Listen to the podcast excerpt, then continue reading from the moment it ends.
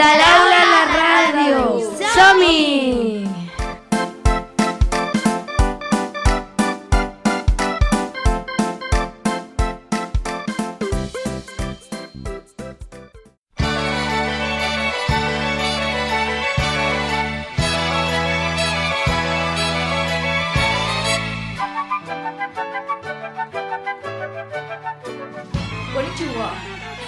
estimats companys, companyes, famílies i a tothom que forma part de la nostra escola. Aquí, a la sala de la gravació de la ràdio per una gràcia, ens trobem Antoni, la Mia, la Ruth, la Martina i el jo mateix, Víctor, per parlar-vos sobre el nostre fascinant i sorprenent nom de classe, el Japó. Ara viatjarem a una distància de 10.416,89 quilòmetres de Barcelona i aterrarem a la capital del Japó, Tòquio. Tenim aproximadament unes 12 hores i 54 minuts de vol. Cinturons ben cordats, seients drets, telèfons mòbils desconnectats. Us desitgem un bon viatge radiofònic.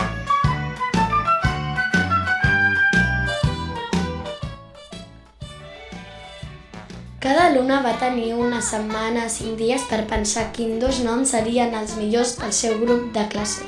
Havien de ser temes que ens cridessin l'atenció, coneixements que voldríem aprofundir, aspectes o mons que volíem descobrir. Simplement allò que ens aportés de nou un, pre- un nou apre- aprenentatge i que gaudíssim investigant.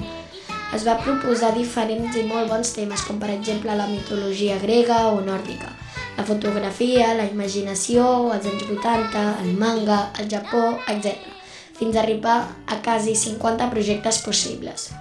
Vam fer una primera votació per veure quins eren els temes que destacaven. Ens vam quedar amb 4 i els dos finalistes van ser a anys 80 amb 7 vots i el guanyador al Japó amb 19 vots. Majoritàriament van votar al Japó per samurais i el manga, però ara us explicarem tot allò que hem descobert sobre aquesta cultura oriental.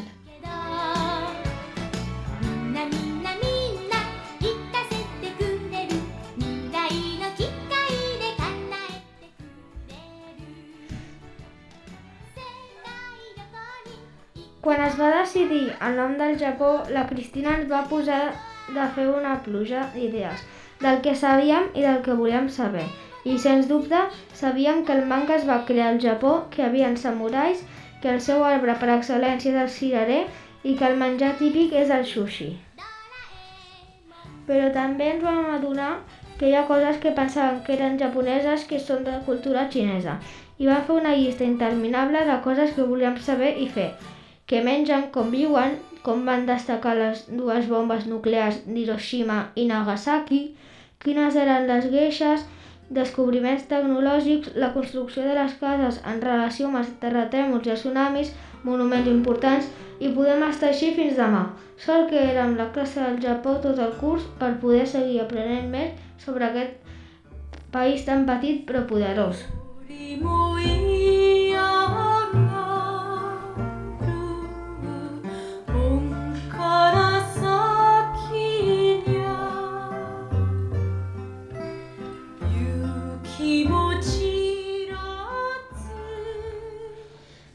Crec que no som conscients de tot allò que hem après sobre el Japó.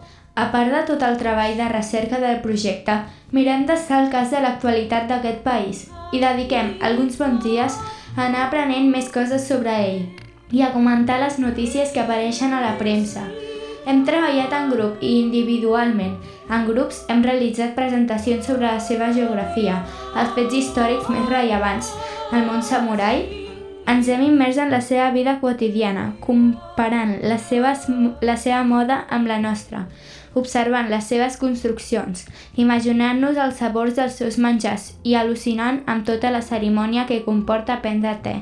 També hem parlat de curiositats com el seu calendari, els seus signes del zodíac o les seves festes.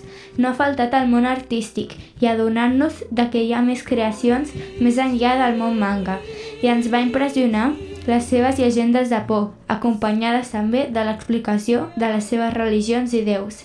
I el més bonic és que tot ho relacionen amb la natura i el món flotant. I mil coses més, però no us volem avorrir. Així que us proposem fer una de les activitats que també hem fet a la classe. Si us estem, si, si us estem animant i contagiant les ganes de conèixer el Japó, podeu buscar el significat de paraules com Sakura, Komorebi, Kogarashi, Yugen, Shonganai, Aware i més. El seu significat sempre està carregat d'una gran espiritualitat, d'emocions i sentiments.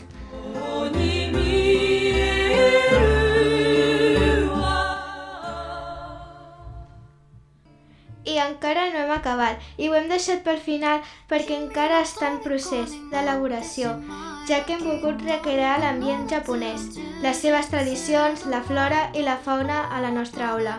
Primer de tot, vam començar fent fanalets.